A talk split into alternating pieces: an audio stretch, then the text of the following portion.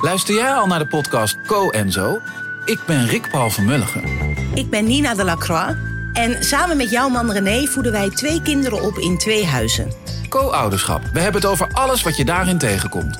Maar ook over de juice tijdens onze kinderloze dagen, want die heb je ook in het co-ouderschap. Een podcast voor alle ouders in alle vormen, maar ook voor alle mensen zonder kinderen. Zijn we eerlijk, heerlijk herkenbaar. Dus luister naar Co en Zo in je favoriete podcast-app.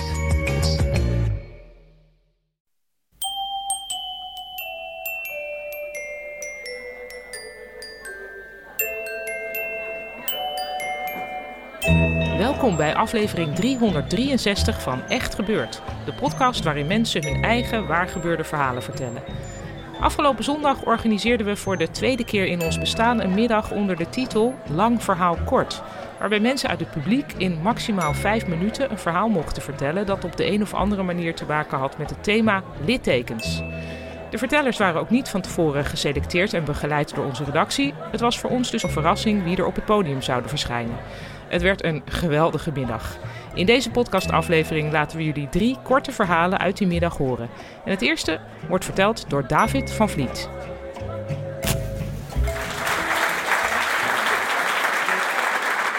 David. Jongen, het, het overvalt me toch allemaal wel weer een beetje. Eh, ik wil jullie een verhaal vertellen van eh, toen ik op de middelbare school zat, hier in Amsterdam-Oost. Nou, we zitten in Amsterdam-Zuid. Ik zat in Amsterdam-Oost op school. Eh, dat was in de jaren zeventig. Begin van de middelbare school was heel moeizaam voor me. Ik, ik kon het maar heel moeilijk bijbenen allemaal. Maar in de loop van de jaren, zo halverwege de middelbare school, ging het steeds beter. Op een gegeven moment had ik echt het licht gezien. En dat was dan met name in de exacte vakken. Ik eh, zeg maar, ik was echt een nerd. Eh, ehm, ik zag er ook wel een beetje zo uit, denk ik. Eh, ik had heel groot haar. Ik had blonde krullen, zo groot, een natuurlijk afro-kapsel. En een grote pilotenbril. En ik was heel erg dun. Ik kon me echt achter een lantaarnpaal verschuilen. Ehm, dat deed ik dan waarschijnlijk ook wel vaak, want ik was, voelde me niet zo zeker voor mezelf. Ehm, maar goed, middelbare school, uh, begin moeilijk, ineens het licht gezien, exacte vakken. Nou, dat ging als een trein. Echt uh, wiskunde, natuurkunde, scheikunde. Ik kreeg echt wat op de wereld. Ik snapte ineens waarom de dingen gebeurden. Althans, een bepaalde klasse van dingen die gebeurden. Uh, waarom, waarom dat gebeurde. Ik kon het, ja, ik kon het ineens begrijpen. En, nou goed. Scheikunde had ik dus. Eh, ik mag erbij zeggen, ik ben uiteindelijk wiskunde gaan studeren. Scheikunde bleek niet zo'n hele goede keus geweest te zijn. Maar het was wel een erg interessant vak, scheikunde. En ik had geleerd dat als ik een onedel metaal met een zure vloeistof bij elkaar bracht, dat er dan waterstofgas zou ontstaan. En dat vond ik een heel interessant idee. Waterstofgas, dat is heel erg licht, daar kun je ballonnen mee vullen, dat gaat zweven. De Zeppelin, de Hindenburg, was destijds gevuld met waterstof. Ik weet niet of jullie weten hoe dat daarmee afgelopen is. nou, goed. Onedel metaal. Ik had in het keukenkastje had ik uh, zoutzuur ontdekt. Ik weet niet waarom mijn ouders zoutzuur in het keukenkastje hadden staan, maar het stond er. En ja, er was, we hadden ook voldoende onedele metalen in huis. Aluminiumfolie is er eentje. Dus ik dacht, weet je wat? Zoutzuur, aluminiumfolie bij elkaar. Ik krijg waterstofgas. ik wist nog niet precies wat ik ermee zou gaan doen, maar. Uh, het, ja, ik vond het zo spannend. En dus, nou, um, ik heb nog een flesje opgezocht. Ik, ik, had wat iets van, ik had toen ook jeugdpuisjes, een leeg Cleracil tonic flesje had ik gebruikt. Ik had er al wat leeg gemaakt. En dat heet het zoutzuur deed ik daarin. En wat snippertjes met aluminiumfolie. En verdomd, ja hoor, het ging borrelen en er kwam allemaal ja, gas of rook kwam daaruit. En dat steeg zo op uit dat flesje. En ik dacht van ja, dat is eigenlijk wel zonde dat dat nou zo vliegt aan de atmosfeer. Ik wilde er nog iets mee doen. Ik weet niet wat, maar ik wilde er nog iets mee gaan doen. Misschien in een ballon stoppen of zo. Dus ik draai de dop op dat flesje. En ik zet het zo op mijn bureau en ik ga zo zitten kijken van wat er gebeurt. En nou ja, het volgende moment lag ik achterover op de grond. Het was een lawaai van je welste. Een enorm gepiep al door me heen. Alles was rokerig. Het sprikte wat in mijn ogen. Ik voelde me... Nou, mijn algehele toestand was niet echt heel erg goed. Ik dacht, ik moet, ik moet naar beneden. Ik, oh, ik, ik zat namelijk op de zolderkamer, op mijn kamer eh, thuis. En uh, ik, ik, ging naar beneden en ik... Uh, gepiep al, vreselijk. En onderweg naar beneden kwam ik langs de badkamer. En ik dacht, weet je wat, het is ook even een goed idee als ik even in de badkamer in de spiegel ga kijken. En ik kijk in de spiegel en bloedrood allemaal zo over me heen. Er was iets in mijn voorhoofd. Dat flesje was alle kanten op gesprongen. Ik had een scherf in mijn voorhoofd gekregen. Scherven stonden ook in de boekplanken en in, eh, in het bureau. En ik ging naar beneden. Uh, mijn moeder die zag mij, die sprak tegen me, maar ik kon haar niet meer horen. Ik was doof op dat ogenblik.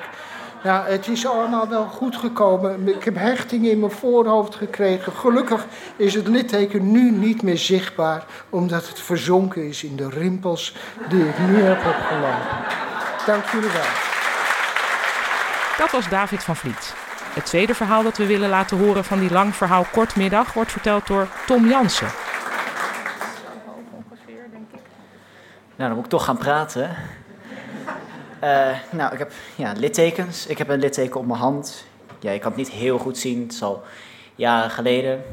Maar ik was dus een tosti aan het maken. In uh, ja, een geel apparaat, noem ik het dan. Dat is soort, ja, gewoon een geel met een deksel. Die doe je open en dicht. En dan wordt heel warm, zegt zij mijn vader altijd. Niet aanzitten. Dus ik maak een tosti. Ik uh, til die deksel op. Ik kijk, oh, nou, die tosti ziet er wel klaar uit. Dus ik steek mijn hand in die grill.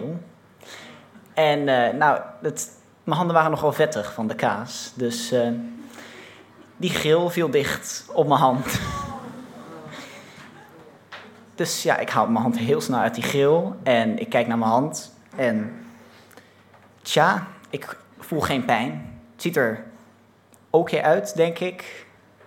Misschien zit er wat kaas op mijn hand. Ik probeer het van mijn hand af te halen. Ja. dat bleek dus mijn pees te zijn. Uh, ik heb het niet aangezeten, maar ik zag het wel. En nou, dat bleek dus een derde graads brandwond te zijn. Ik uh, had geen huid meer op een stukje van mijn hand.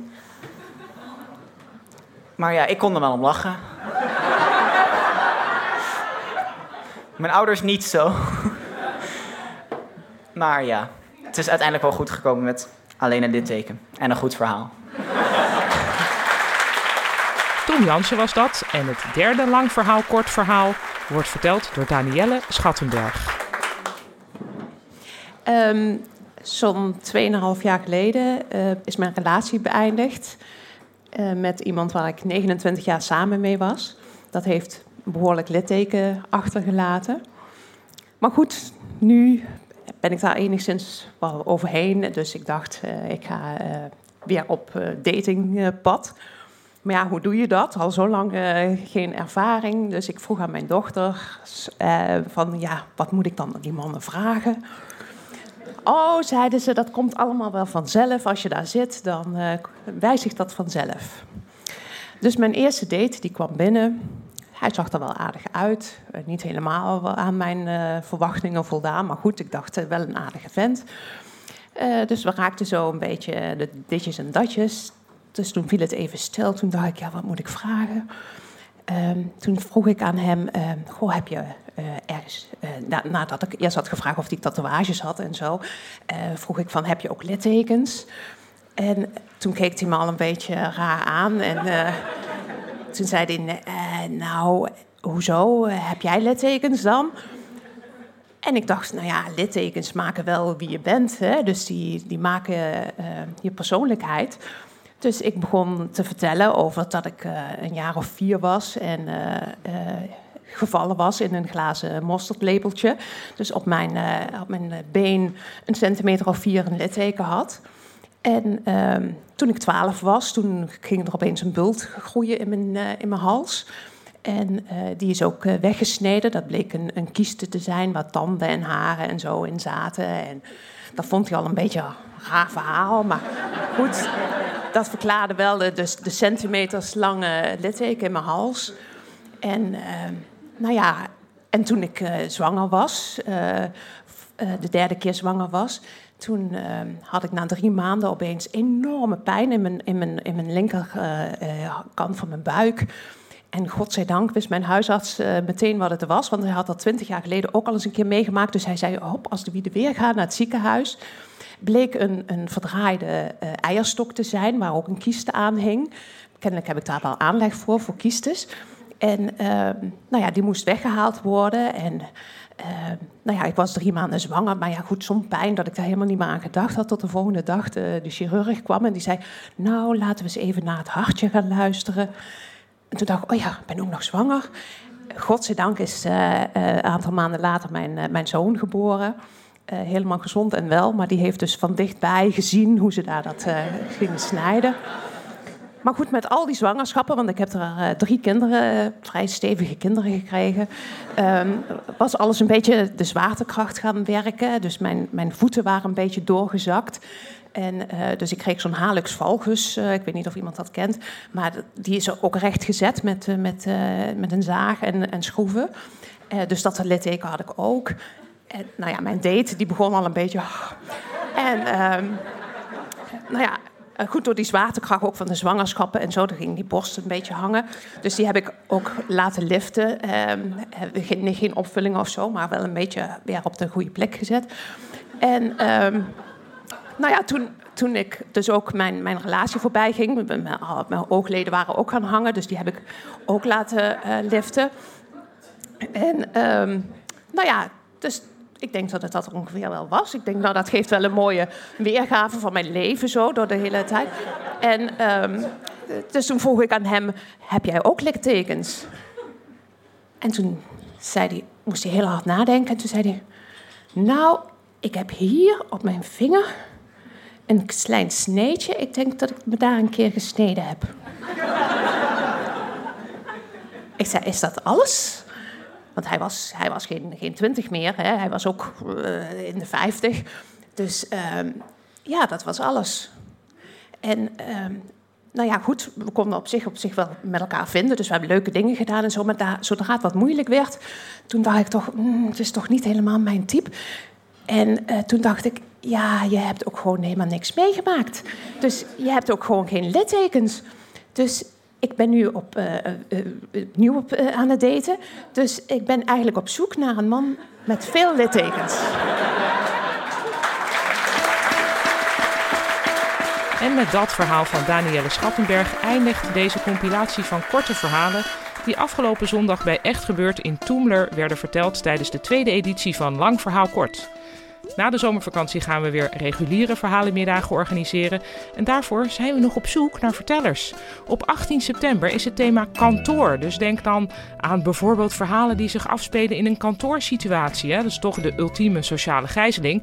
En voor 30 oktober zijn we op zoek naar verhalen rond het thema leugens komt vast ook wel iets bij op. Voor de rest van de data en de thema's kun je kijken op onze website www.echtgebeurd.net. En op die website kun je je ook meteen als verteller opgeven. En wil je nou geen verhaal aan Echt Gebeurd bijdragen, maar wel geld? Overweeg dan eens om vriend van de show te worden. Bijvoorbeeld voor een bedrag van 2,50 per maand. En dat kan via www.vriendvandeshow.nl schuine streep Echt Gebeurd. En Echt Gebeurd is dan gewoon aan elkaar. Onze redactie bestaat uit Micha Wertheim, Bijke Aarts, Renette Kwakkenbos, Tom van Rooyen en mijzelf, Paulien Cornelissen. Onze productieleider is Hanna Ebbingen. De zaaltechnicus was deze week Florian Jankowski. En onze podcast wordt gemaakt door Gijsbert van der Wal. Dit was aflevering 363. Bedankt voor het luisteren en kijk in godsnaam uit met dat tosti-apparaat.